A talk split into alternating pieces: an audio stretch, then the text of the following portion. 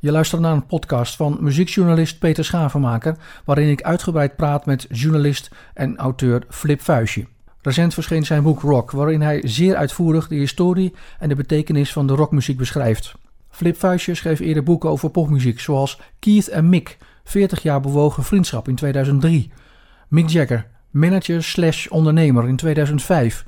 En Micronomics, de zakelijke kant van de grootste rockband ooit in 2013. We beginnen bij de titel van het boek. Waarom rock de beste muziek eh, van de 20e eeuw is. En de titel van de, eh, zeg maar de titel van de proloog. De grootste culturele verworvenheid van de, jaar, van de 20e eeuw.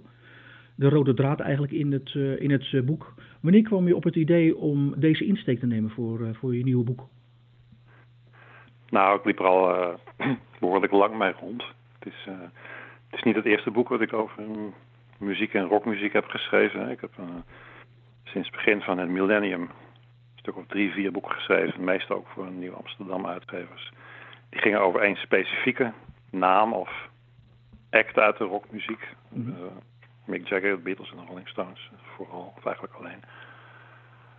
Maar langzaam groeide wel het idee dat, uh, ja, dat, dat, ik ook een boek wilde schrijven met een, ja, een bredere insteek. Niet, niet alleen over één of twee namen, maar over het genre rockmuziek, rockmuziek in zijn algemeenheid. En kwam, kwam ik er ook geleidelijk achter dat zoiets eigenlijk niet bestaat. Nog steeds niet. Uh, er is natuurlijk ontzettend veel over rockmuziek geschreven in de loop van de laatste 50 jaar.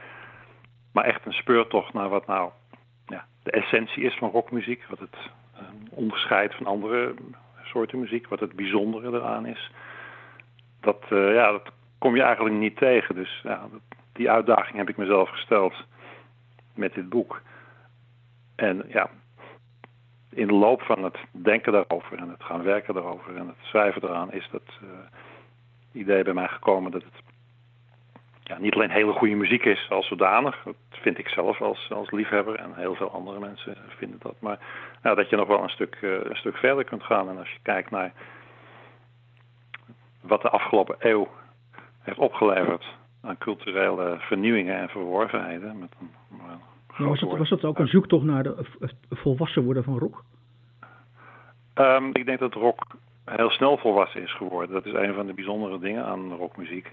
Dat uh, als je rockmuziek los ziet van rock and roll en ziet als, als, als, een, als een apart genre, wat pas in de jaren 60 is ontstaan. Zo, nou, natuurlijk vanaf de komst van de Beatles, maar pas in een stroomversnelling in de tweede helft van de jaren 60. Dan zie je dat in 1970 of rond 1970 dat rock al eigenlijk volwassen was. En dat is een van de bijzondere en ook wel uh, unieke dingen aan rockmuziek. Dat het, dat het in, die, in die tijd zo snel is gegaan. Dat er zo ontzettend veel goeds is gemaakt en bedacht. En uitgevoerd en op de plaat gezet. In ja. zo korte tijd. Want je praat over een periode van uh, ja, zeg maar vijf jaar. Ja, je praat op, op pagina 185 over rockmuziek in zijn klassieke variant. Wat, wat bedoel je daar precies mee? Daarmee bedoel ik de, de rockmuziek uit ja, het tijdperk wat, bestaat, wat nu bekend staat als klassieke rock of classic rock. Dat is een beetje een verwarrende term, want uh, in de Verenigde Staten is in de jaren 70, 80 uh, ook een, een, een, een opvatting, een definitie ontstaan van classic rock die een beetje afwijkt van waar ik het over heb.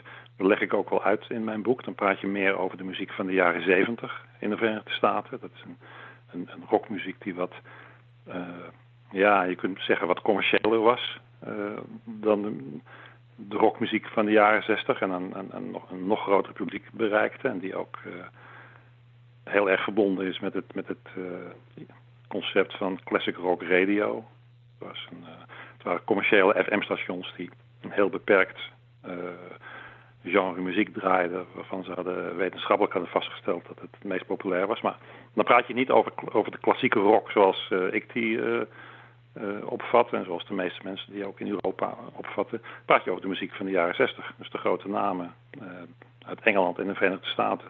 Ja. De Beatles, de Rolling Stones. Ik noem zelf ook een lijstje in mijn boek van, naar mijn smaak, de tien grootste namen uit die tijd. Daar gaat het over. Ja, wil, daar, daar, is het begonnen en dat, dat blijft ook nog steeds, vind ik, uh, ja, de klassieke hoogtijdperiode. Wilde je met je boek ook duidelijk maken dat uh, de rock ontstaan is in Engeland en niet in de Verenigde Staten, waar misschien veel misverstanden over zijn bij heel veel mensen?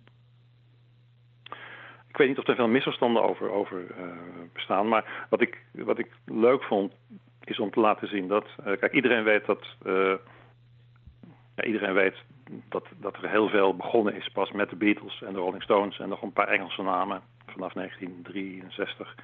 64. Maar tegelijkertijd weet ook iedereen dat al die bands, de Beatles, de Stones voorop, zich ook lieten inspireren door muziek uit de Verenigde Staten. Maar wat ik leuk vond om extra aandacht op te vestigen, is dat je ook in Engeland zelf al uh, in de jaren 50, dus voordat zelfs maar de Beatles begonnen, een muziektraditie had die essentieel is om, uh, voor het ontstaan in de jaren 60 van die rockmuziek. Ja. En dan praat je over de ja, muziek die uh, heette in die tijd skiffle. Dat was een primitief soort uh, volks, folk muziek. Ja, de, muziek van, de muziek van Lonnie Donegan, hè, daar praat je uitgebreid over. Hè, de impact ja. praat je daarover. De, de grote hit die hij had destijds met Rock Island Line in 1955. Grote, ja, hit, grote hit in Engeland. Het aardige was, dat, dat, dat was nog voordat Elvis Presley met zijn grote hits kwam. Ja. En dat was toch al in Engeland een geweldig succes. En ik leg ook uit in mijn boek dat vooral Lonnie Donegan en, en, en, en het grote voorbeeld ervan, uh, die liet zien dat je eigenlijk dat je met heel eenvoudige middelen, uh, mits je maar een elektrisch, een, een gitaar had, het was niet eens een elektrische gitaar, maar een akoestische gitaar, dat je zelf muziek kon gaan maken. En dat was het, het, bijzondere aan wat er toen in Engeland is gebeurd. Dat heel veel ja, jonge, jonge mannen en jongens uit die generatie van na de Tweede Wereldoorlog, die in de jaren 50 tieners waren, zelf muziek zijn gaan maken. En dat is iets wat je in, in Amerika niet had. En dat had weer te maken ook in, in, in mijn idee met het verschil in, in welvaart en economische ontwikkeling tussen de Verenigde Staten en Engeland. En Engeland was na de Tweede Wereldoorlog tot ver in de jaren 50 nog een behoorlijk arm land. Heel zwaar getroffen door de oorlog. En, uh, ja, er was niet veel ruimte voor, voor, voor vertier en er was niet veel luxe in het leven. En wil je, wilde je een beetje extra ding in het leven meemaken, ja, dan moest je er eigenlijk zelf voor gaan zorgen. Dus als je bijvoorbeeld goede muziek wilde horen of iets wilde doen met goede muziek, ja, dan moest je die eigenlijk zelf gaan maken. Terwijl in Amerika had je toen al uh, overal in het land lokale radiostations die populaire muziek en popmuziek en de rock and roll van de jaren 50 speelden. Dus dat doe het zelf idee wat je in Engeland had, dat is volgens mij een beslissende factor geweest in de jaren 60 voor de komst van de rockmuziek. Hoofdstuk 3 gaat daarover, hè, over Lonnie Donegan, over de impact en, uh, de manier waarop uh, Pete Townsend van The Who, hè, en hoofdstuk 6 schrijf je daarover. Dan praat je ook uh, over dat Pete Townsend daar, Lonnie Donegan een indruk maakt op Pete Townsend, maar ook dat David Bowie als elfjarige tijdens een padvinderskamp al liedjes zong van Donegan. Dat, is natuurlijk, dat zijn natuurlijk leuke details hè, voor de rockfans. Ja, ja, er is een hele rij. Uh, Jimmy Page die uh, was op de televisie in, ik geloof in 1957 met een, met een skiffelband. Dan zie je gewoon een jongetje van 13 of 12 met een, met een, met een akoestische gitaar. Die op een hele simpele manier hun, hun liedjes naar voren brengen. Nou, David Bowie deed, deed dat. Die heette toen nog gewoon Davy Jones. maar Roger Daltrey van de Who is begonnen als een, als een skiffelband. En trouwens, die had ook in 1957 in Liverpool een bandje dat heette The Quarryman. 6 juli 1957, hè? Ja, en dat was ook in wezen een skiffelbandje. Ook al werden die later dan, uh, gingen ze op een gegeven moment een andere naam bedenken. Dat werd dan de Beatles. Maar ze begonnen als een skiffelband. Ja, pagina's 54 schrijf je zonder skiffel geen rockmuziek. Had ook een mooie titel van je boek kunnen zijn. Misschien. Dat gekund, ja. Maar ik denk dat, dat de titel die, die er nu staat toch nog iets meer tot de verbeelding spreekt. Dat, dat hoop ik tenminste. ja, je geeft meer duiding. Maar goed, om hem even aan te geven, de, de impact van Donegan en, en de belangrijke rol. Hè? Want dat, dat wil je echt benadrukken in dat hoofdstuk.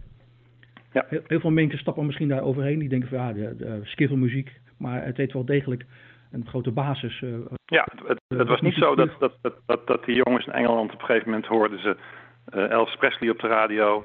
En toen dachten ze, dat gaan wij ook maar doen. We gaan uh, ook rock'n'roll muziek maken en dat daar de rockmuziek uit is voortgekomen. Zo is het niet gegaan. Het is, nee, nee. dat vertelt je boek. Dat vertelt je boek. Dat vertelt je boek uitgebreid. Hè? waarom vind je de Beatles en de Stones de grote twee, zoals je dat schrijft? Um, nou, de Beatles waren natuurlijk de eersten die in Engeland kwamen met een, ja, niet, niet alleen een nieuw soort muziek, maar ook een uh, nieuwe manier om, om muziek te maken. Het hele idee van, van samen een band, dat was ook een vernieuwing. Want tot dan toe was popmuziek en ook rock'n'roll, dat was voornamelijk één zanger op wie alle aandacht werd gevestigd. En ja, dan wat, wat, wat, wat, wat begeleiders daarachter. En soms hoorden die begeleiders op een vaste manier bij die zanger. Hè. Uh, ja, Buddy Holly en de Crickets, zeg maar. Of, uh, Cliff Richard en de Shadows. Soms waren die ook wat, wat anoniemer. Maar het ging om die zanger. En uh, die zanger die was ook in de meeste gevallen ook helemaal niet degene die die muziek geschreven had. Het was iemand die vaak naar voren werd geschoven, gerecruiteerd vanuit de muziekindustrie zelf door de platenmaatschappijen en, en, en managers. En die ja, op een gegeven moment werden uh, gevonden en, en groot gemaakt met veel PR en vervolgens liedjes mochten gaan zingen die door heel andere mensen waren geschreven. Je had toen een speciale industrie, zou je bijna kunnen zeggen, van, van songwriting in, in Londen en ook in New York. Van uh, mensen die zelf onbekend waren, anoniem opereerden, maar gewoon die muziek schreven. En die werd dan verkocht en, en, en, en doorverkocht en uitgevoerd door die zangers. Nou, wat de Beatles deden, was het totaal tegenovergestelde daarvan. Dat was niet alleen, dat was niet één zanger met wat begeleiders. Nee, dat waren vier jongens die misschien niet op voet van gelijkheid, maar toch een, een, uh, als collectief opereerden, als een, als een hechte band. Het was ook niet één zanger, want ze zongen uiteindelijk allemaal, zelfs Ringo. En ze schreven ook die muziek zelf. Natuurlijk vooral John Lennon en Paul McCartney, maar uiteindelijk ook George Harrison. Nou, als je dat alles bij elkaar optelt, heb je een wereld van verschil met hoe de populaire muziek, en dat geldt ook voor de rock roll van de jaren 50 in Amerika, hoe die er tot dan toe uitzag. Het was een, ja, een revolutionaire breuk. En de Beatles zijn daarmee begonnen. Um, de Rolling Stones zijn snel gevolgd. Er waren natuurlijk ook anderen die volgden, maar als je achteraf terugkijkt, dan kun je zeggen dat uh, ja, de Beatles en de Rolling Stones in de omvang van hun oeuvre, wat ze allemaal gemaakt hebben, de hoeveelheid die ze hebben gemaakt, uh, ja, toch, uh, toch ver boven de rest uitsteken. Voor een stuk, ja. Er zit ook wel een stukje persoonlijke smaak in, maar het is wel een, als je dat oordeel zo geeft, maar het is wel een smaak die door heel veel mensen wordt gedeeld. Ja, en de uitvinders zijn van de rockmuziek, zoals je schrijft. Ja, ja, zeker. Ja. Je luistert naar een podcast van muziekjournalist Peter Schavenmaker, waarin ik uitgebreid praat met journalist en auteur Flip Vuistje. Recent verscheen zijn boek Rock, waarin hij zeer uitvoerig de historie en de betekenis van de rockmuziek beschrijft. De, wat, wat, interessant is, is uh, uh, eigenlijk pas in hoofdstuk 12, misschien heb je dat bewust gedaan, ga, ga, je in op de vraag wat is rock eigenlijk. Hè? Dan ga je kijken naar de definitie die op Wikipedia staat. En je kijkt ja. uh, later, pagina 205, naar de essentie van echte rockmuziek die uh, ja, ge, gitaar gedreven is, uh, de hoofdrol voor elektrische gitaar. Um, waarom heb je dat zeg maar op dat moment gedaan in het uh, boek? Het is, het, is, het is natuurlijk een beetje een theoretisch verhaal van wat is rockmuziek. En je, gaat, ja, je, stelt jezelf dan vragen die meestal niet zo gesteld worden. Want de meeste mensen die van rockmuziek houden, ja, die vinden dat, geldt voor mij ook hoor, gewoon leuk om naar te luisteren. En de vraag van ja, wat is het nou eigenlijk precies en, en, en waar ligt de grens daarvan en wat is een definitie?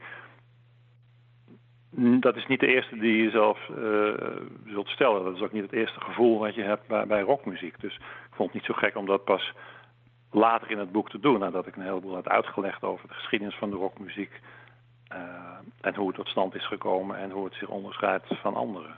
Dus ja, vandaar dat ik het relatief achter in het boek heb, uh, heb aangekaart. Ja, maar was het wel een belangrijke vraag die je zelf stelde toen je aan het boek begon? Misschien wel de belangrijkste was, vraag? Um, de hoofdvraag die ik mezelf stelde toen ik aan het boek begon is van hoe kun je nou uh, de essentie van wat rockmuziek is onder woorden brengen? Hoe kun je daarachter komen? Hoe, hoe kun je dat in beeld krijgen en, en voor jezelf, maar ook voor je lezers uitleggen wat dat is. En um, uiteindelijk kom je dan ook terecht bij de vraag van is er nou één sluitende definitie van rockmuziek? En nou, dat doe ik dan redelijk laat in het boek. En uh, als je dat hoofdstuk leest, dan zie je ook dat die sluitende definitie er eigenlijk niet is. En dat maakt het ook een beetje ingewikkeld. Want je kunt wel zeggen van rockmuziek, de essentie van rock is uh, dat het gitaargedreven muziek is. Dat de, de, de hoofdrol in rockmuziek wordt gespeeld door de elektrische gitaar. Nou, dat, dat, dat is zo. Dat geldt voor heel veel rockmuziek. En dat geldt voor heel veel van de muziek die, die veel mensen ook in de eerste plaats zullen associëren met het woord rockmuziek. Ja, de sleutelrol, hè? Dicht je de elektrische gitaar, ja. uh, gitaar toe? Ja, maar het, ligt, het blijkt dan toch, als je, als je daar verder in, in, in gaat duiken, het blijkt toch ingewikkelder te liggen. Omdat er is ook een heleboel muziek gemaakt. Zeker vanaf 1970 tot 1975. Die geen hoofdrol had voor de elektrische gitaar. Maar die toch, in het al, die toch wordt gerekend tot de rockmuziek. Hè? De, de, de, de singer-songwriters van, van die tijd. Ik uh, las gisteren nog een artikel uit een Amerikaans tijdschrift over Randy Newman.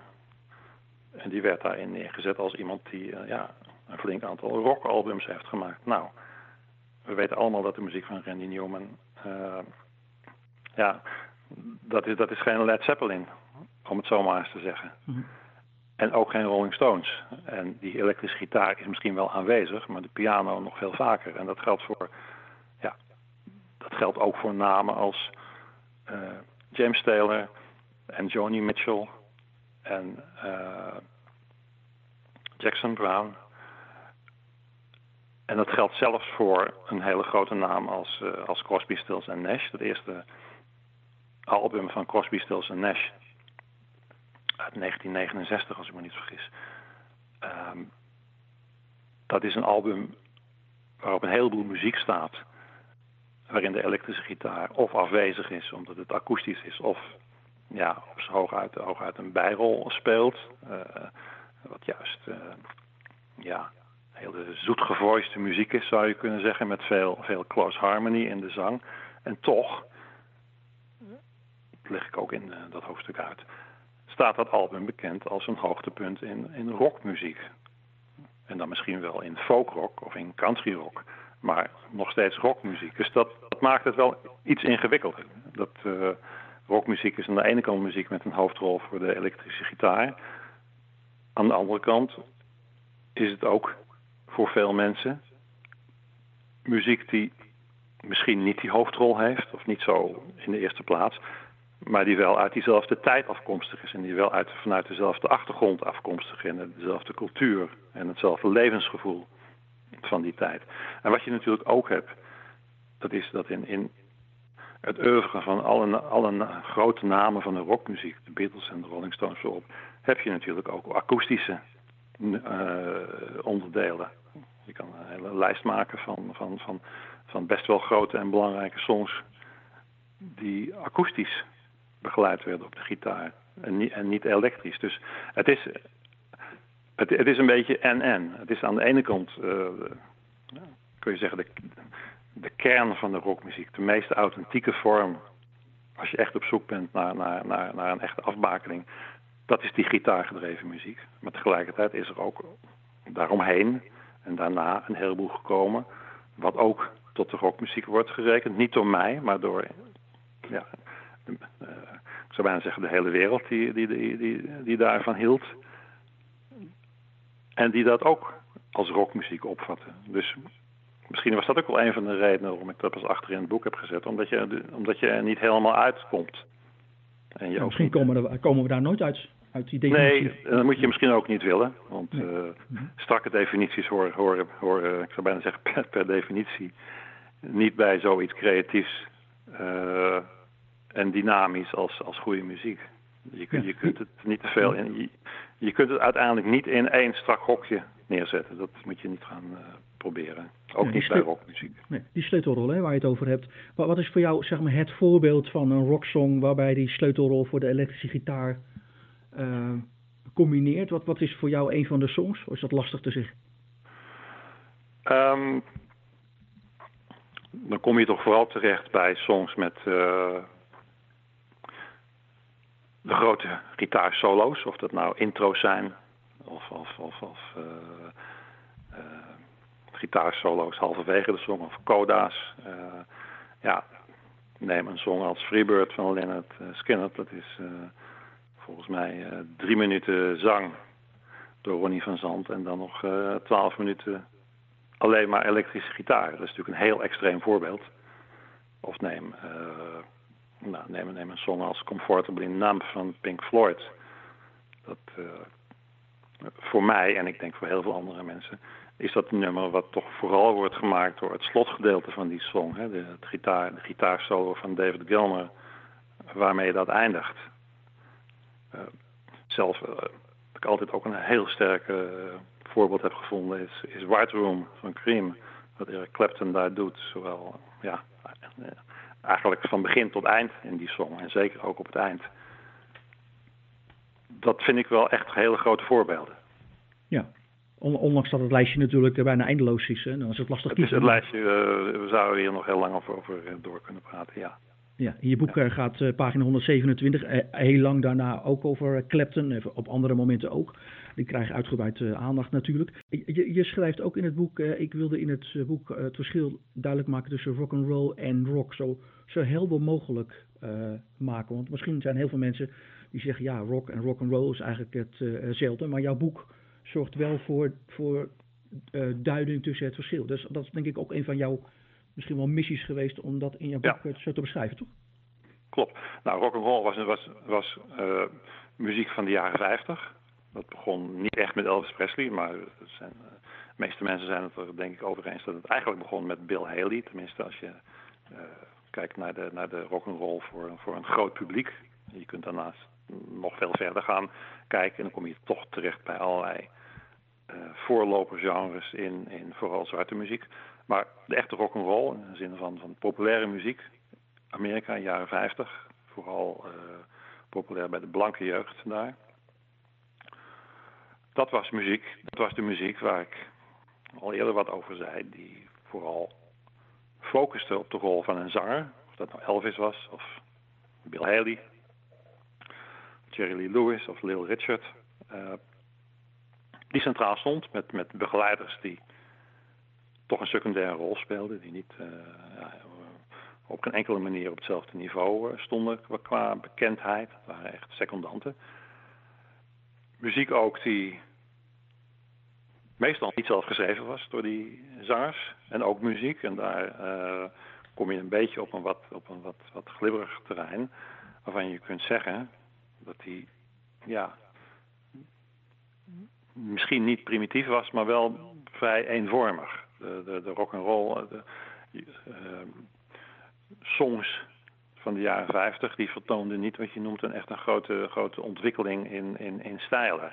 En wat je ook ziet is dat uh, die grote namen van de jaren 50, na een paar jaar, ja, waren ze ook eigenlijk wel uitgespeeld.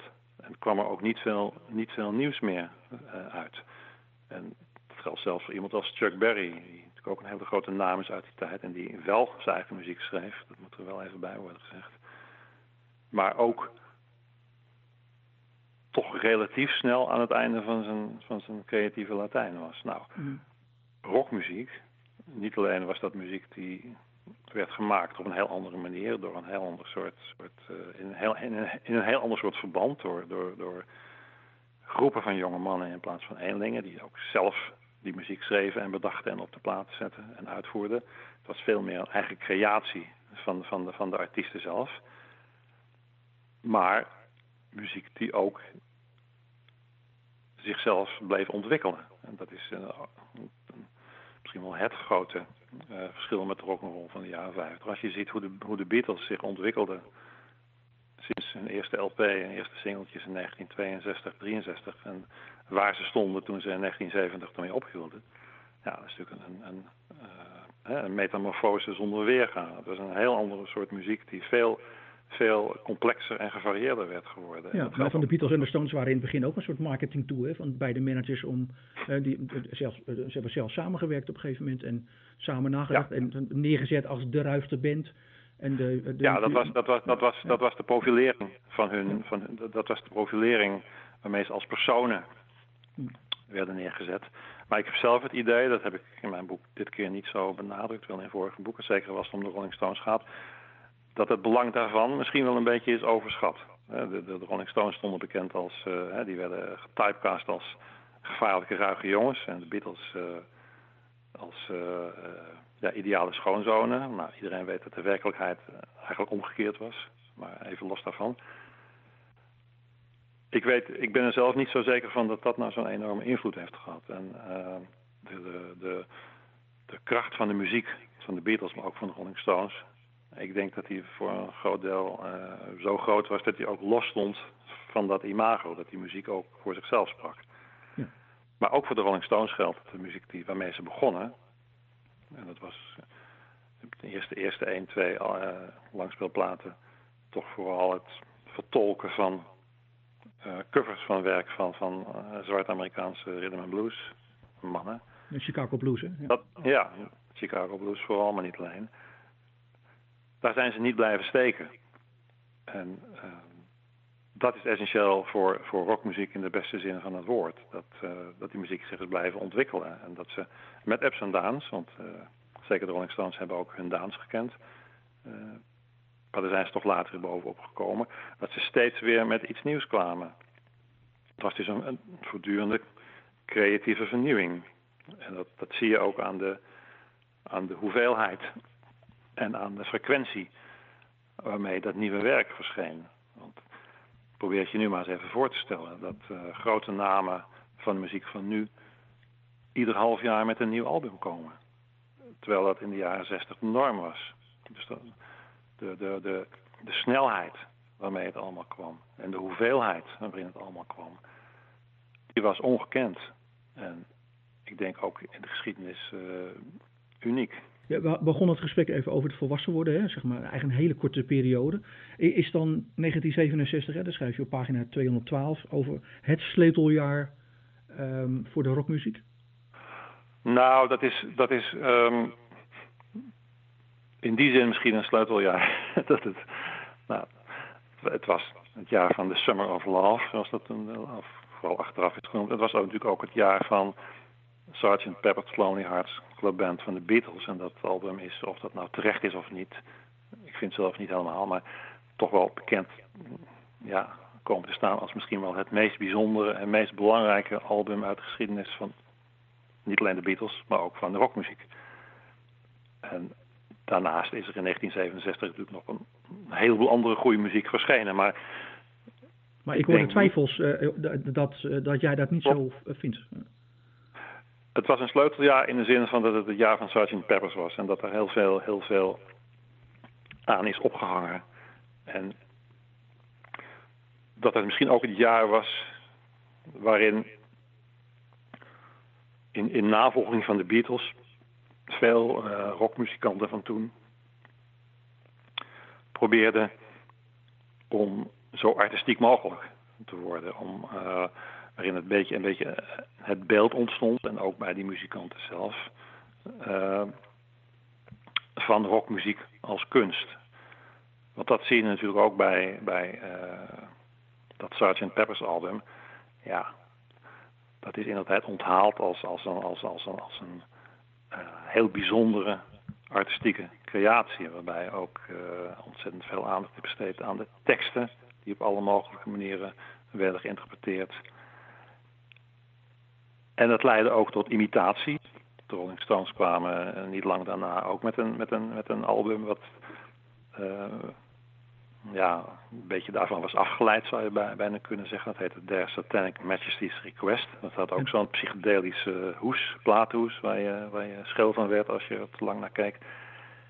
En ja, muziek, de muziek op dat album, en dat geldt god nog voor wel meer albums uit, uit dat jaar, in ieder geval uit, uit, uit die periode. Die, die was uh, soms wat, wat gekunsteld en wat, wat overdreven artistiek en ook vaak wel een beetje gemakzuchtig. Want uh, als je artistiek wilt doen, ja, dan kun je ook gaan improviseren. En dat, was, uh, dat hoort daarbij, dat hadden ze van de jazz afge, afgeleerd. Maar in de rockmuziek werkte dat helemaal niet zo goed. Want een, een band als Cream in diezelfde tijd, die gingen op hun, hun concerten maar gitaarsolo's van een kwartier spelen. En dat viel helemaal niet goed bij hun publiek, want het, was, het waren vaak composities waarbij een gitaarsolo van twee minuten hoorde. En dan was het geweldig. En als je dat ging uitspinnen tot een kwartier, in de zin van kijk mij eens uh, als, als, als, als, als geïnspireerde artiesten een kwartier lang door kunnen gaan, wat Clapton toen deed, dan was het resultaat juist uh, ja, averechts. En in die zin was 1967, maar je moet dat niet op dat ene jaar vastpinnen, maar uh, misschien die, die, die, jaren, dat jaar en de jaren daaromheen, een, een sleuteljaar, dat toen die stroming in de rockmuziek culmineerde. Maar dat is gelukkig alweer heel snel verdwenen. Want uh, als je kijkt naar hoe het met de rockmuziek verder is gegaan na 1967, nou, het beste voorbeeld is dan toch weer de Rolling Stones. Die gingen ook weer terug naar hun basics, kun je zeggen, naar hun, roots en, en rhythm and blues, maar ook in countrymuziek trouwens. Want het album Becker's Banquet uit 1968 was uh, ja, een wereld van verschil met het album wat ze in 1967 hadden gemaakt. De Satanic Majesty's Request. Dat was echt tien keer zo goed. Er stonden ook fantastische nummers op. Uh, zoals Sympathy for the Devil. En het was het begin van een complete nieuwe renaissance-periode voor de Rolling Stones. Die ja, een van hun beste albums ooit, uh, zegt ja, de tweede. Ja, die heeft aangehouden. Het bekende ja. kwartet van albums Beggar's Banquet, Let It Bleed, Sticky Fingers en Exile on Main Street. Dus in die zin kun je zeggen dat 1967 misschien een, een draaipunt was. Dat uh, het, het, tegelijkertijd een begin was voor een, een, een tweede bloeiperiode in de rockmuziek. En Sgt. Pepper is eigenlijk wel een rockalbum dan? Goeie vraag. Uh, als je allereerst uh, een minuut hoort wel. dat fantastische gitaarspel van de openingssong. Trouwens niet door George Harrison wordt gespeeld, maar door Paul McCartney. Ja, dat is rockmuziek van het zuiverste water. En dat kom je ook nog wel weer terug in hetzelfde nummer. Op het einde van kant 2 van de langspeelplaat. Toen hadden albums nog twee kanten. Wat daartussenin staat, ja, dat is een, een, een, eh, een, heel gevarieerd geheel. En dat brengt me weer een beetje terug bij waar we het uh, eerder over hadden. Het was rockmuziek, zo werd het gezien, zo werd het beschreven. Maar die elektrische gitaar was daar vaak, uh, was daar vaak afwezig. Ja. ja, maar misschien omdat het de Beatles zijn, wordt het geschaard onder rock. Hè? Dat is Precies. Dan, en uh, ja, ja. Dat, dat, dat laat zien dat rock ook meer is dan alleen maar die elektrische gitaar. Het is, het is, het is een, het is, je zou ook kunnen zeggen, het is muziek uit een bepaalde periode en van een bepaalde bijzondere kwaliteit. Je kunt niet zo ver gaan om te zeggen dat alles wat uit die periode was, dat het goed was. Want er was ook een heleboel slechts. Maar je kunt wel zeggen, vind ik, dat het beste van wat er uit die periode is gekomen, nog steeds uh, ja, in de geschiedenis van de populaire muziek het beste is wat er ooit gemaakt is. En dat ja. uh, geldt zowel voor die rockmuziek als uh, ja, echte gitaarmuziek.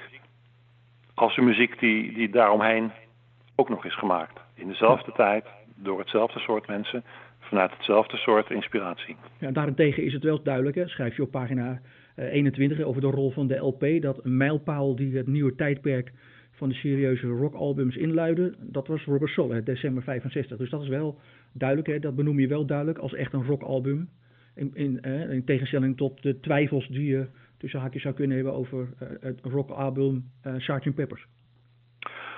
Dat is wel interessant. Robert Soul is een, is een fantastisch album. Het is misschien wel, wel mijn persoonlijk favoriete Beatles album. De gitaar, de elektrische gitaar, hier en daar ook wel de akoestische mening, maar toch vooral ook de elektrische is wel heel sterk aanwezig op het album. Aan de andere kant is ook wel gezegd in de tijd al dat het eigenlijk een folk rock album was. Um, daar kun je zijn mening over verschillen. Maar het is wel misschien wel het eerste echte uh, samenhangende rockalbum wat er gemaakt is. Dat zou je kunnen zeggen, ja. Ja. Uh, interessant dat er een samenhangende kwaliteit was, een samenhangende uh, aanwezigheid van die elektrische gitaar. Wat, wat ik interessant vond in je hoofdstuk, in je boek is hoofdstuk 10 en hoofdstuk uh, 11, Rock and Race en Wie het laatst lacht. Dat is eigenlijk, uh, ik, ik, ben natuurlijk als muziekjournalist ook, lees eigenlijk ook alles wat er langskomt, en, biografieën. En ik heb het voorrecht om heel veel biografen ook te interviewen over hun boeken. Heel, heel inhoudelijk. Eigenlijk de, de inhoud van, van die hoofdstukken, hè, zeg maar de, de, de rol van blank en zwart, dat is eigenlijk iets wat ik zelden tot nooit tegen ben gekomen tot nu toe. Dat is wel, dat is wel een compliment voor je boek. Ja, nou, dank, dankjewel. Ik vind het zelf ook, uh, ik zie het zelf ook als twee sleutelhoofdstukken. Het was ook niet makkelijk om het te schrijven, want het is een, het is een gevoelig onderwerp. Mm uh, ik zou bijna zeggen, zeker vandaag de dag, omdat uh, natuurlijk toch weer uh, ja, de hele, allerlei vragen rondom blank en zwart en, en identiteit op dit moment toch weer extra in de belangstelling staan en extra gevoelig. Ook dat geldt zelfs voor het gebruik van die termen als zodanig, uh, blank en zwart. Blanke rockmuzikanten van de jaren 60. Die zou je eigenlijk nu misschien witte rockmuzikanten moeten noemen van de jaren 60, maar dat is toch een beetje vreemd, want in die tijd uh, waar we het over hebben, was dat niet, in ieder geval in het, in het Nederlandse taalgebruik ging dat niet zo. Maar goed, even los daarvan. Wat misschien niet nieuw is voor veel mensen, maar waar veel mensen misschien niet zo bij stil hebben gestaan. En ook zeker in die tijd zelf niet bij stil stonden. En dat deed ik zelf ook niet in die tijd, want ik ben ook opgegroeid als tiener in de jaren zestig met die muziek. Dat was dat die muziek uiteindelijk werd gemaakt door blanken, door blanke performers. Of je, ik weet niet of je het dan ook blanke muziek kan noemen, dat is misschien weer een stap verder, maar degene die het maakten, de echte rockmuziek van de jaren 60, dat waren allemaal blanke jongens en blanke jonge mannen. Met heel enkele vrouwen tussendoor, dat wel, maar toch vooral blanke jongens. En dat was iets, dat was een verschil met hoe het ging met de rock and roll. Want de rock and roll van de jaren 50 had je natuurlijk ook hele grote blanke namen. Elvis en Buddy Holly en Jerry Lee Lewis en nog een paar. Maar je had daarnaast ook Chuck Berry. Uh, van je ook kan zeggen dat hij misschien wel ja, de grondlegger is van de rock and roll samen met anderen. Dat helemaal, daar kom je ook nooit helemaal goed uit van wie is nou het belangrijkste. Maar Chuck Berry was verschrikkelijk belangrijk. En daarnaast had je mensen als, Vest, als uh, Fats Domino en Lil Richard. Dat waren geaccepteerde rock and roll grootheden. Nou, de rockmuziek van de jaren 60, die begon in Engeland. Een belangrijk onderwerp in mijn boek dat was vanzelfsprekend muziek die werd gemaakt door blanken. Want je had, uh, je had natuurlijk toen ook al wel uh, niet-blanke burgers in Engeland en in het Verenigd Koninkrijk. Maar dat waren er, uh, dat waren er een stuk minder dan, dan later. na de immigratiegolven die zijn gekomen. Toen waren dat er nog niet zoveel. En het waren ook geen mensen die een rol speelden in, in, de, in de populaire muziek van dat moment. Dus het was vanzelfsprekend dat die rockmuziek zoals die in Engeland ontstond vooral werd gemaakt door blanke, uh, blanke performers. Wat minder vanzelfsprekend was, dat was dat de rockmuziek die kort daarna, vanaf ja, 1965 kun je zeggen, in, in Amerika ook werd gemaakt. Waardoor het een soort van co-productie werd van, van Engeland en de Verenigde Staten, de hele rockmuziek. Dat die ook uiteindelijk een blanke aangelegenheid werd. En ook steeds meer werd. Want dat, die, aanwij, die, die, die raciaal gemengde populaire muziek, ook rock'n'roll muziek, popmuziek van, van, van de eerste, nog de eerste gedeelte van de jaren 60. Dat was aan het eind van de jaren 60 was dat voorbij. Toen was wat toen als rockmuziek bekend stond, dat was muziek die werd gemaakt door blanke performers. En daarnaast had je natuurlijk ook zwarte muziek en populaire muziek, soul vooral. Maar dat was een ander genre. En je had Motown, dat was eigenlijk nog weer een ander genre. En die stonden los van elkaar. Ja. Uh, waarom heb je het uh, tussen haakjes aangedurfd om dat nu zo uitgebreid te beschrijven en te benoemen? Waarom is dit zeg maar het goede moment om dat nu te doen? Om dat misschien te doorbreken en om daar zo duidelijk... Nou, ik denk niet dat het speciaal het goede moment is, maar het hoort gewoon bij het verhaal. En ik vond wel, ja, ik vond dat het nu uh, het moment was om met dat boek te komen. Maar ook omdat je het in andere, eh, in andere boeken niet tegenkwam zo uitgebreid. Je, je komt het wel tegen. Je komt het, je komt het wel tegen. Uh, er zijn ook wel een paar, uh, of twee boeken die ik zelf uh, ook citeer en waar, waar ik ook ongegeneerd en met bronvermelding uit, uit dingen uithaal en gebruik en noem, waarin dat wordt, wordt aangegeven. Maar het is niet iets wat. Het is niet iets wat ehm, op de voorgrond staat als in, in de geschiedenis van de rockmuziek. En dat komt denk ik omdat uh, rockmuziek was geen, om, om, een moeilijk woord te gebruiken, het was, het, was wel, het was wel muziek die werd gemaakt door blanke jongens, maar het was geen blanke identiteitsmuziek. Het feit dat het blanke, blanke bands waren die de muziek maakten, dat was één ding. Maar degene die die muziek maakte en ook de liefhebbers daarvan, ja, die stonden daar verder niet zo bij stil. Die, die lieten zich daar niet speciaal op voorstaan. Het was niet zo dat een rockconcert in die tijd een, um, ja, zeg maar een, gemeenschappelijke ervaring was van, van, van de eigen blanke identiteit. En wat dat betreft verschilt rock ook van andere populaire genres, ook uit die tijd.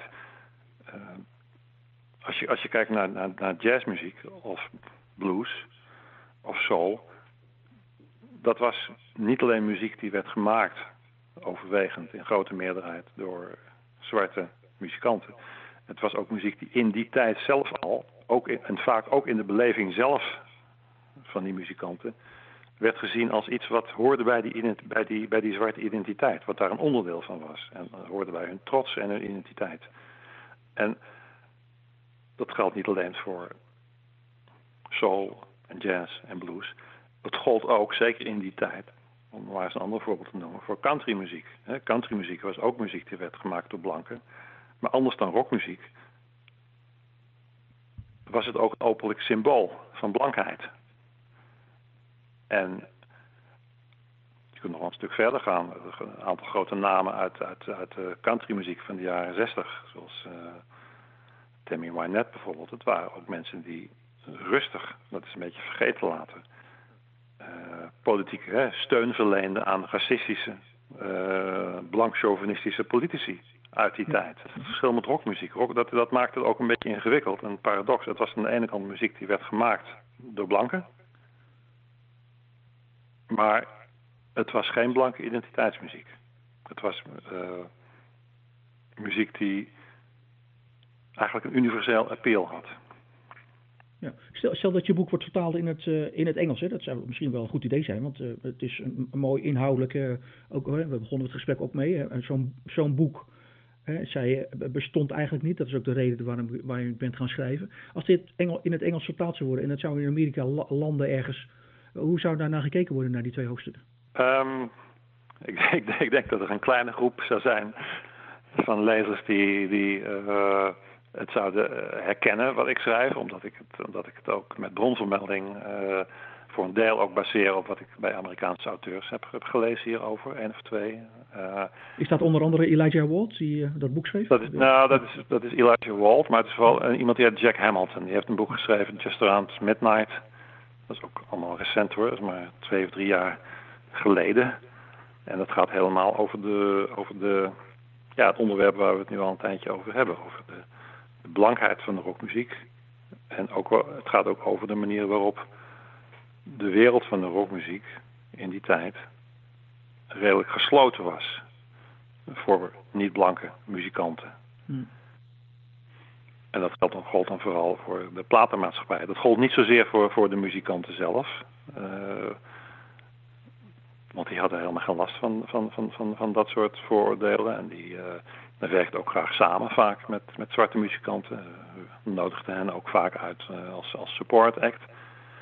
Uh, het gold ook niet voor, voor, de, voor de liefhebbers, denk ik, maar het gold wel voor een deel van de muziekindustrie zelf. Die dacht heel erg, en dat was, een, dat, dat, dat was toen een commerciële overweging. Er werd toen heel erg gedacht in segmentering van die muziekmarkt. En het werd als ja, commercieel aantrekkelijk gezien om die genres gescheiden te houden. Om voor de zwarte muziekliefhebbers ook speciaal zwarte muziek te maken. Muziek die ook echt zo werd gebracht en gepresenteerd. En ook, ook werd ingedeeld met zijn eigen, zijn eigen hitparades, ook zijn eigen charts. En daarnaast blanke muziek voor de blanke jeugd. Ja, je hebt veel theorieën hierover, hè, maar je geeft ook een aantal uh, echt praktische voorbeelden qua muziek. Uh, you Keep Me Hanging On, hè, van uh, de Supremes natuurlijk, en Vanilla Fort staat tegenover. Je praat over Otis Redding met zijn interpretatie van I Can Get No Satisfaction van de Stones. Geen schaduw ja. van, het, van het origineel schrijf je. Wilson ja. Pickett, die een rockversie in werkelijkheid maakt van Hey Jude... Uh, dat zijn interessante voorbeelden voor, zeg maar, de, voor de liefhebbers. Het hoofdstuk slijk je eigenlijk af met zeg maar, het Trojaans paard van een blanke rockband. Vond ik een mooie uitleg, een mooie kreet, pagina 198. Dan hebben we het verhaal over, moeten mensen maar lezen in het boek, het verhaal over Aerosmith en Run DMC. Maar dat is wel een heel interessant voorbeeld uit de geschiedenis en met name geschiedenis van 9 maart 86. Ik raad mensen echt aan om dat uitgebreid uh, te lezen. Dat vind ik een, een, een, prachtig voorbeeld.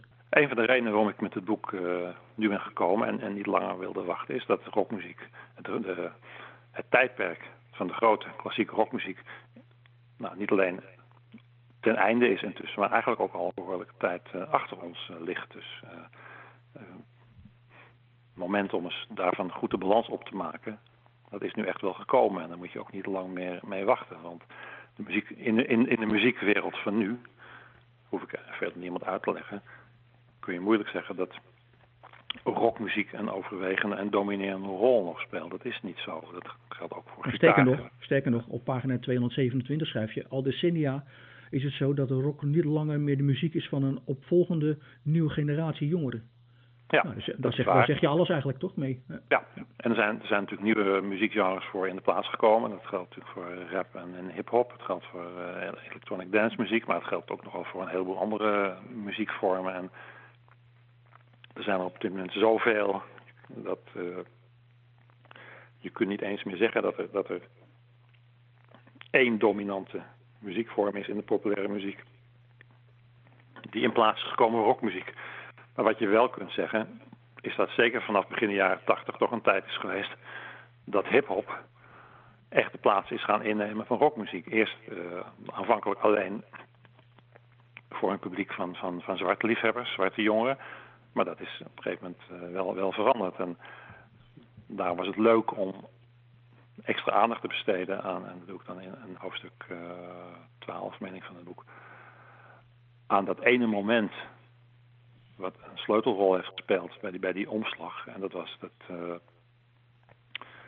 het verschijnen van die remake van Walk This Way van Aerosmith. Dat was een, een, een bescheiden hit van Aerosmith uit, uh, uit de jaren 70, maar in 1986 hebben ze daar een remake van gemaakt samen met Run DMC. En dat was ja, een, soort, een soort mix van, van rock en hip-hop. En veel mensen die in die tijd uh, naar MTV hebben gekeken, die weten nog, nog heel goed hoe die video ook eruit zag. Dan bijna het handgemeen uh, in die video, maar uiteindelijk toch ook weer een harmonie en konden ze elkaar goed vinden. Maar het resultaat daarvan was dat wat tot dan toe eigenlijk niet goed mogelijk was, namelijk dat hip-hop en rap op een zender als MTV veel, veel exposure kreeg, veel, veel gespeeld, uh, gedraaid werd en vertoond dat dat vanaf dat moment uh, wel ging. Het feit dat uh, ja, die aanwezigheid van Aerosmith, wat toch een hele grote naam was uit, uit, de rockmuziek, de blanke rockmuziek, dat was dan voldoende om dan eindelijk ook eens een keer door die samenwerking die zwarte rappers te laten zien en te laten horen. Nou, en dat werd ook een groot succes, dat werd ook een grote hit. Dat, die, die co-productie van die remake van, van Walk This Way. En sindsdien kun je zeggen, uh, werd alles anders sindsdien. Daarmee werd in, in één keer eigenlijk de poort opengezet op televisie, op MTV vooral, maar ook op die classic rock radio uit de jaren zeventig, die, die tot dan toe ook eigenlijk de deur dicht, dicht hield voor zwarte muziek.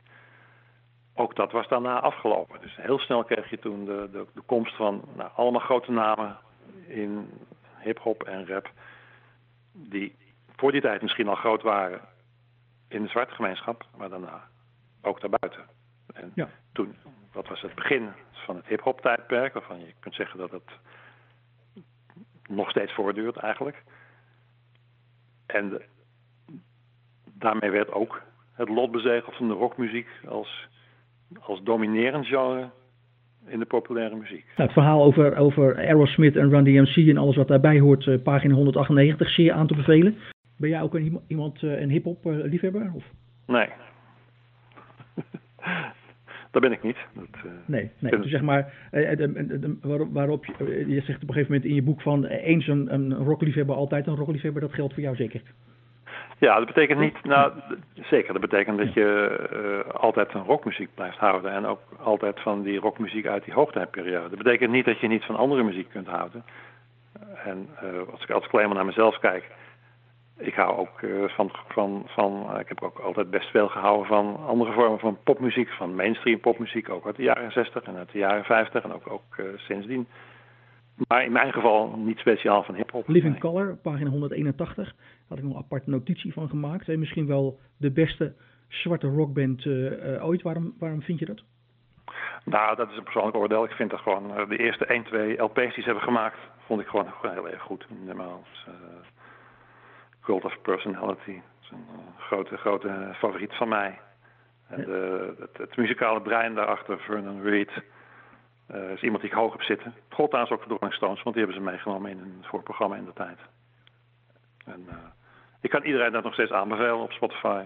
De eerste 1, 2 albums van Living Color. moet je vooral eens naar luisteren. Je luistert naar een podcast van muziekjournalist Peter Schavenmaker, waarin ik uitgebreid praat met journalist en auteur Flip Vuistje.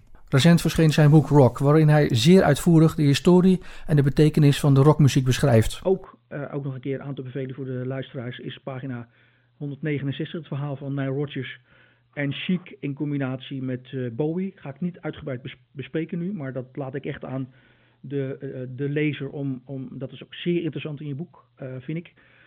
wat wel interessant is, hè, dat het verhaal over Jimi Hendrix, die toch nou ja, natuurlijk een donkere jongen was, maar ook wel, uh, nou ja, uh, gezien werd als een blanke uh, rocker.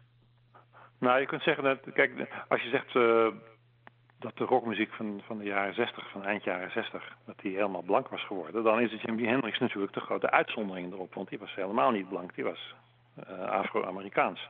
Ja, maar hij was die, heeft, die, heeft, dat beeld, die heeft dat beeld ontkracht, bedoel je eigenlijk? Nou, hij was, hij was ik zou bijna zeggen de uitzonderingen die de regel bevestigen. Er waren misschien nog één of, één of, uh, één of twee namen. Hè. Bijvoorbeeld iemand als Arthur Lee van Love was natuurlijk ook nog een, een, een voorbeeld uit die tijd. Maar Jimi Hendrix was ja, uit, uit laat ik zeggen, de selecte rij van, van hele groten uit de rockmuziek. En zijn, hè, dan praat je misschien over 10 tot 20 grote namen. Is hij de enige zwarte performer. Dus hij was aan de ene kant was hij degene die die blankheid doorbrak. Aan de andere kant was hij, doordat hij de enige was, ook weer een beetje de uitzondering die die regel bevestigde. En er komt nog wel iets bij, de, de, doorbraak van Jimi Hendrix. Hij kwam natuurlijk uit de Verenigde Staten, uit, Seattle in, in het noordwesten, in Washington State. Maar zijn succes kwam pas toen hij was ontdekt door Chess Chandler, dat was de voormalige basgitarist van, uh, van de Animals, die toen later manager is geworden in de muziekbusiness. Die heeft John, Jimmy naar Engeland gehaald en daar gelanceerd hè, met een bekende single Hey Joe. In Engeland behoorlijk succes. In Amerika nog niet, uh, nog niet meteen zo. En hij deed dat door Jimmy te koppelen aan twee blanke jongens uit Noel Redding en Mitch Mitchell. Dus de band van Jimi Hendrix, de Jimi Hendrix Experience, was ook geen zwarte band. Het was een, het was een, een gemengd uh, blank-zwart gezelschap. En ook daarvan denk ik, maar dat kun je achteraf niet bewijzen, dat dat ook wel iets heeft geholpen bij het verlagen van de drempels van Jimi Hendrix om, om uh, vooral in de Verenigde Staten als rockmuzikant uh, erkenning te vinden. Als hij vanaf het begin met een puur zwarte band was gaan werken, dan denk ik dat, zijn dat de ontvangst die hij had gekregen, ook in, de, ook in de wereld van de muziekindustrie zelf, dat die, uh, ja, die anders was geweest, minder makkelijk. Ja, net zoals de discussie, ik zag een, een post op jouw Facebook dat iemand zei het succes van de Beatles kwam vooral omdat zij blank waren en daarom eigenlijk zo naar voren werden geschoven. Dat dat misschien ook een reden is geweest. Ja, nou, ik denk dat dat, dat dat niet zo is. Ik heb dat wel gepost, maar niet omdat ik het er uh, mee, nee, nee, eens ben. Nee, nee. Ik denk dat het succes van de Beatles uh, eigenlijk maar met één ding te maken had. En dat was de kwaliteit van hun muziek. Helemaal los Ja. van, van, van blank of zwart. Ja, je doet wel de conclusie hè, dat eh, de, de, de enige scheidslijn die rock niet kon doorbreken was die van eh Rast. Dat is een discussie, een, Ja. eh, pagina 30 schrijf je daarover. Dat wordt allemaal Ja. bij die twee, twee hoofdstukken die ik nogmaals aanraad om, eh, om uitgebreid eh, te lezen. Wat ook interessant is, is natuurlijk de, de, de rol van de rockmuziek en de politiek, de maatschappelijke en de revolutie die daarbij hoort. Verschillende bands, de Stones en de Beatles natuurlijk. ehm, en en Garfunkel en eh, Crosby, Stills, Nash Young met Ohio. George Harrison met Taxman. Ik noem maar even een paar voorbeelden. Clapton, Bowie, eh, Rod Stewart, Roger Daltrey, Bob Dylan natuurlijk, uiteraard. Ehm, en andere. Dat is ook wel een interessant hoofdstuk, vind ik. Dat hoofdstuk over uh, politieke betekenis van de rockmuziek. Ik denk dat sommige mensen die, daar, die dat beginnen te lezen, de conclusie misschien een beetje ver, verrassend zal zijn of een anticlimax. Want wat ik vaststel, dat is dat die politieke betekenis van de rockmuziek, dat die, als je goed kijkt, eigenlijk heel bescheiden is geweest. Er is wel vaak gezegd en gedacht en een beetje het, beeld lezen daaromheen dat uh, ja, de jaren zestig een tijd waren van, van, van veel onvrede en maatschappelijke verandering en, maatschappelijke revolutie zelfs. En dat de rockmuziek daar een, uh, een onderdeel van was, een essentieel onderdeel. Nou, wat ik vaststel is dat het niet zo was. Dat de jaren zestig in de eerste plaats een tijd waren van heel veel nieuwe welvaart en heel veel voorspoed. En een hele mooie tijd voor heel veel mensen. En dat de onvrede die je ook in die tijd had, het protest, studentenprotest en andere vormen van protest, dat was er wel. Maar dat het toch, als je goed kijkt, een randverschijnsel was in, in een tijdperk, een decennium van vooral heel veel vooruitgang en heel veel welvaart en heel veel verbetering in het leven van veel mensen. En dat gold vooral voor mensen die jong waren. Dat was het eerste ja, tijdperk waarin je jeugd niet ophielde, niet, niet stopte op je veertiende, bij wijze van spreken, op je zestiende. Maar uh, waarna je gewoon aan het werk moest. Maar het was voor het eerste keer in de geschiedenis dat uh, de welvaart en de maatschappelijke mogelijkheden zo groot waren ja, dat die jeugd nog een, een, hele tijd kan worden voortgezet. Misschien wel vijf of tien jaar van, van voortgezet onderwijs en leven zonder al te veel verplichtingen en ook al te veel beperkingen. Nou, die, daar was die rockmuziek een onderdeel van. Het was, het was, het was, een, uh, het was een extra element in een tijd, vooral voor de jeugd in, in, in, in de westerse wereld, die toch al ontzettend veel nieuwe dingen ja, bijna cadeau kreeg. Uh, vanwege de toegenomen welvaart. Nou, kun je in die zin zeggen dat rockmuziek eigenlijk muzikaal de hoofdrol speelde en niet zozeer uh, maatschappelijk en uh, uh, in, in, zeg maar in, in, die zin? Dat dat vooral een muzikale hoofdrol was? Het, het, belangrijkste aan, rockmuziek, en dat is een, een, een, een, een rode draad door mijn hele boek heen, is dat het in eerste plaats om muziek gaat. En dat kom je tegen als je kijkt naar de, ja, de, de, de, de, de, de, de maatschappelijke impact van rockmuziek, was er hè, naar de vraag of er nou een politieke betekenis was. Nou, ik denk dat die eh, heel, heel bescheiden was. Er waren wel rockmuzikanten die, die politiek uitspraken deden, maar de meesten deden dat helemaal niet. En, en zodra van rockmuzikanten in die tijd werd gevraagd om politiek eh, iets meer te doen dan af en toe misschien een beetje een plichtmatige uitspraak, dan, deed, dan gaven ze al gauw uh, geen thuis meer. Het waren gewoon muzikanten en dat is wat ze deden. En die muziek die was waar het om ging. En waar je dat ook tegenkomt, dat is in uh, de vraag hoe belangrijk die teksten waren van rockmuziek. Want er is natuurlijk heel veel, uh, door heel veel critici uit die tijd in, in, de, in, de, in de media en mensen die zich voor hun beroep daarmee bezig hielden door over rockmuziek te schrijven, is heel veel aandacht besteed aan de teksten van de rockmuziek. En Brown Sugar eh, noem je bijvoorbeeld als voorbeeld uh, daarbij. Ja, en dat is niet zo gek dat die mensen dat deden, want die mensen die, die uh, schreven van hun beroep over rockmuziek. Het waren vaak ook mensen die zelfs niet zoveel verstand hadden van muziek zelf, die niet, niet, niet echt geëquipeerd waren om muzikologisch, om het zo maar te zeggen, over muziek te schrijven. Die niet veel kaas hadden gegeten van, van, de, van, de, van de ja, laat ik zeggen, muziekleer en de technische, specialistische kanten daarvan.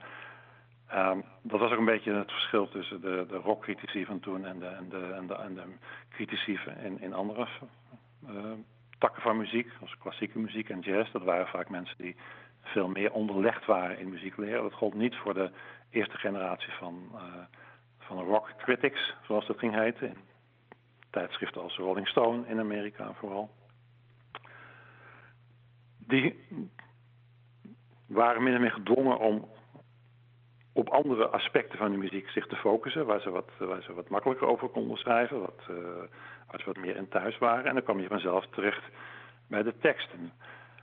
En in het, in het officiële verhaal over de, over de rockmuziek speelt die interpretatie van die teksten vaak een grote rol. En ik denk dat het, uh, het, het, belang van de, van, de, van de teksten van de, van de muziek van toen, van de rockmuziek van toen, dat dat erg overschat is. Dat dat uh, ja, vooral, vooral een hobby was, een interesse was van mensen die zelf over rockmuziek schreven. En dat voor de meeste liefhebbers van rockmuziek het eigenlijk een, een bijzaak was. En je ziet het, je kunt het heel mooi aflezen aan de, aan de ontvangst van de rockmuziek in landen zoals Nederland. Waar Engels niet uh, de eigen taal was. Ik denk dat heel veel mensen, en dat geldt voor mijzelf ook, zich zullen herinneren of zullen beseffen, als je terugkijkt naar die tijd, dat veel van de teksten van die muziek die je toen zo geweldig vond, ja, dat je misschien wel een beetje een idee had waar het over ging. Dat scheelde ook een beetje. Het ene nummer was wat makkelijker te begrijpen en te doorgronden dan het andere. Maar voor mensen die zelf niet het Engels beheersten, was een, waren toch een heleboel van de teksten van de muziek uit die tijd ja, moeilijk te volgen. Je begreep eigenlijk, niet goed waar het over ging. Maar, dat is, het, dat is wat ik hier zo belangrijk vind, dat maakte helemaal niet uit. Dat gaf helemaal niet. Want daar ging het ook helemaal niet om. Het ging om die muziek zelf en die tekst. Ja. Je hoorde er wel een beetje bij, maar het was tegelijkertijd ook bijzaak. Ja, interessant. Uh, Bowie noem je ook wel echt een serieuze rockster. Dat, uh, wat pas in 1972 in het Verenigd Koninkrijk voor hem ging gelden. Hij vond dat zelf overigens niet. I'm not uh, in rock and roll, zei hij daarover. De hoe, zo schrijf je in het boek, althans dat schrijft Melody Maker, maar dat, daar zit hij uit, dus daar ben je het uh, zeker mee eens. Pagina 108, de band die de maanstaaf is om de overige uh, rock and roll mee te beoordelen. Dat, dat is een mooie uitspraak. Ja. Je, de Hoe is echt, de Hoe is echt, echt een rockband. Hè? Echt het voorbeeld misschien van, de, van een van de grote rockbands in de geschiedenis. Ja, ik noem zelf een, een, een, een, een, een lijst voor in mijn boek van de tien grootste, belangrijkste rocknamen uit de jaren 60, uit het begin decennium. Nou, dan krijg je op de eerste plaats, krijg je vanzelfsprekend na elkaar eerst de Beatles en dan de Rolling Stones. Maar uh, daar staat dan inderdaad op plaats drie de Who. En dat is niet zonder reden. Het is, uh, als, je zegt, uh, als, je, als je zegt de Who, dan zeg je ook Pete Townshend. En als je Pete Townshend zegt, dan, ja, dan denk je toch in eerste plaats aan zijn gitaarspel. En dat uh, van begin tot eind is de muziek van de Who daardoor bepaald. En uh, er is wat voor te, er zou wat voor te zeggen zijn om dat de Who misschien wel de meest oorspronkelijke, de meest pure rockband is uit die tijd. Omdat de Beatles en de Rolling Stones vanaf het begin ook veelzijdiger waren, zich meer ontwikkelden Terwijl de hoe altijd wat, wat, uh, ja, wat, strakker, wat strakker gefocust zijn gebleven rondom dat gitaarspel van Pete Townsend. Ja, en Tommy is dan uit 69, hè? Uh, een van de beste rockalbums uh, ooit. Ja.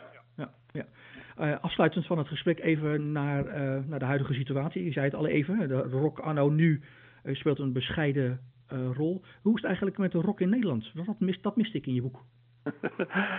dat, is, dat is een onderwerp, Peter, dat heb ik bewust laten liggen. Omdat, omdat, ja. ja, de earring had ik misschien wel een klein beetje verwacht. er is, er is een, in Nederland een, een, er is in Nederland één rockband die, uh, die had zomaar in dit boek uh, ge, uh, gekund met, met, met behoorlijk wat aandacht. En dat is inderdaad de Golden Earring. Daar ben ik helemaal met je eens. Geweldig goede rockband, vind ik zelf ook. Ik ben een groot, groot liefhebber van hun muziek. Ik, ik nog een keer extra zoeken in je index, zo'n staat Barry nee, in? Of, staan, er, staan er niet in. Nee, nee. Um, ik vind ze heel erg goed. Aan de andere kant, maar dat is een kwestie van, van persoonlijke smaak. Uh, ja, toch niet op het niveau van de echte grote namen uit de Verenigde Staten en, en uit Engeland. En daarnaast heb je natuurlijk ook in Nederland een hele, ja, een hele cultuur van rockbands uit die tijd. Waar, ook natuurlijk best ook hele, hele, goede, hele goede namen bij zitten. Zijn hele goede dingen gedaan in die tijd. Maar het is gewoon een ander onderwerp. En mijn, mijn boek gaat over de, de grote klassieke rockmuziek uit Engeland en de Verenigde Staten. Dat is toch, uh, dat is toch het belangrijkste in mijn, in mijn optiek. En dat dat in Nederland ook navolging vond, dat is zo. En dat werd vaak ook op een hele goede manier gedaan. Maar het bleef, het, bleef, het bleef toch navolging. En ik denk niet dat het in, in het grote verhaal van de rockmuziek van de jaren 60 en 70 van de, van de vorige eeuw een hoofdrol speelt. Dus daarom heb ik het ook laten zitten. Ja, ja, duidelijk. Nee, maar ik denk nou toch wel belangrijk om even te vragen. Hè? Ik bedoel, ja, uh, ja je, je, haalt een heleboel biografen aan. Hè? Philip Norman uh, uh, haal je een aantal keren aan. Dus misschien een van jouw voorbeelden wat betreft popbiografen of rockbiografen. Ja, ja, als, ik dat, als ik het zo tussen de regels doorlees. wie, wie zijn in Nederland eigenlijk equivalenten van, van Norman en van... Hebben wij ook in Nederland goede rockbiografen? Moeilijke vraag. Misschien is het wel niet te beantwoorden omdat er niet in Nederland niet zo'n zo'n rockcultuur heerst als in Engeland in de Verenigde Staten. Robert Haagsma heeft natuurlijk een aantal goede dingen gedaan. Hè? Als, ook vooral als, uh, als, als chroniqueur van, van, van uh, Golden Earring. Maar ik heb zelf het idee dat degene die in Nederland, uh, dat geldt voor Robert Haagsma, dat geldt ook voor iemand als Rutger Vaal, en er zijn nog wel een paar namen te noemen, dat hun boeken die ze hebben geschreven vaak over, over allerlei popgenres gaan. En dat je niet zozeer één naam hebt die meteen naar voren springt als iemand die alleen maar specifiek over rockmuziek heeft geschreven. Dat, nee. uh, hetzelfde geldt niet voor dat we dat in Nederland hebben. Ja, hetzelfde geldt voor tijdschriften. Oren staan, ja. dat is ook niet echt een rocktijdschrift. Nou ja, je hebt, je hebt natuurlijk wel, je hebt, je hebt Revolver, dat is... Uh, dat gaat echt wel over de klassieke rock uit die tijd. Maar sommige van de mensen die in Revolver schrijven, uh, zijn journalisten en schrijvers die zich niet alleen tot rockmuziek beperken. Dus, dus nee, dat, uh, in Nederland heb je dat niet zo. Ja. Laatste, misschien relevant is, uh, waar moeten wij als liefhebbers van de klassieke rock of de rock nu eigenlijk naartoe? Want uh, ja, rock speelt een bescheiden rol, hebben we wat al geconcludeerd. Het is al enorm divers en te veel stromingen en te veel subculturen, schrijf je bijna aan het eind van het boek op pagina 232. Waar moeten we naartoe?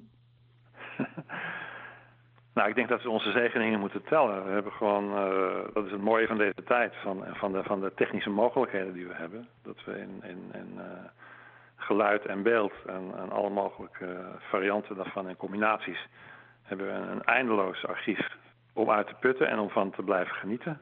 Dat, uh, is natuurlijk, dat betreft, ik vind zelf de komst van, van Spotify echt een zegen voor de mensheid. En zeker voor het rockliefhebbende deel van de mensheid. Want je hoort gewoon, ja, alles is twee muisklikken ben je verwijderd om naar te luisteren. Dus ja, tel je zegeningen. Het was een fantastische tijd. Ik denk dat die niet meer terugkomt. Dat in een tijd waarin, waarin in een jaar of vijftien zo ontzettend veel goede nieuwe muziek is gemaakt. Ik denk dat het eenmalig was. Nou, als je dat hebt meegemaakt, dan was dat mooi. Dan was je erbij en dan kan je heel erg tevreden en gelukkig over zijn. En uh, ik zou zeggen, ga gewoon zo lang mogelijk door met daarvan te genieten. Ja. En uh, luister er vooral heel veel naar. Uh, misschien dat er nog na de, het verdwijnen van de corona nog een nieuwe periode komt waarin de sommige van de grote namen die we nog steeds hebben opnieuw nog op, op uh, concerttournee zullen gaan. Nou, dus grijp je kans als die, uh, als die nog een keer langskomen, als de Rolling Stones nog een keer langskomen, of Bob Dylan of The Who, wat er van over is. En nou, lees af en toe nog eens een goed boek daarover. Hoe is het eigenlijk met de rock in Nederland? Dat, mist, dat miste ik in je boek. dat, is, dat is een onderwerp, Peter, dat heb ik bewust laten liggen. Omdat, omdat, ja. ja, de earring had ik misschien wel een klein beetje verwacht. Er is, er is een, in Nederland een, een, er is in Nederland één rockband die, uh, die had zomaar in dit boek uh, ge, uh, gekund met, met, met behoorlijk wat aandacht. En dat is inderdaad de Golden Earring. Daar ben ik helemaal met je eens. Geweldig goede rockband, vind ik zelf ook. Ik ben een groot, groot liefhebber van hun muziek. Ik, ik nog een keer extra zoeken in je index, soms staat Barry nee, erin. Of, staan, er, staan er niet nee. in. Um, ik vind ze heel erg goed. Aan de andere kant, maar dat is een kwestie van, van persoonlijke smaak. Uh, ja, toch niet op het niveau van de echte grote namen uit de Verenigde Staten en, en uit Engeland. En daarnaast heb je natuurlijk ook in Nederland een hele, ja, een hele cultuur van rockbands uit die tijd. Waar, ook natuurlijk best ook hele, hele, goede, hele goede namen bij zitten. Zijn hele goede dingen gedaan in die tijd. Maar het is gewoon een ander onderwerp. En mijn, mijn boek gaat over de, de grote klassieke rockmuziek uit Engeland en de Verenigde Staten. Dat is toch, uh, dat is toch het belangrijkste in mijn, in mijn optiek. En dat dat in Nederland ook navolging vond, dat is zo. En dat werd vaak ook op een hele goede manier gedaan. Maar het bleef, het, bleef, het bleef toch navolging. En ik denk niet dat het in, in het grote verhaal van de rockmuziek van de jaren 60 en 70 van de, van de vorige eeuw een hoofdrol speelt. Ja, dus Spotify aanzetten, rock aanzetten en je boek lezen, dat is misschien het de, ja. vies in deze tijd van thuiswerken. Hè? Ja, ja, ja, ja, Ik heb met veel plezier uh, met je gesproken en dank voor het mooie gesprek. Ja, oké. Okay. Graag gedaan.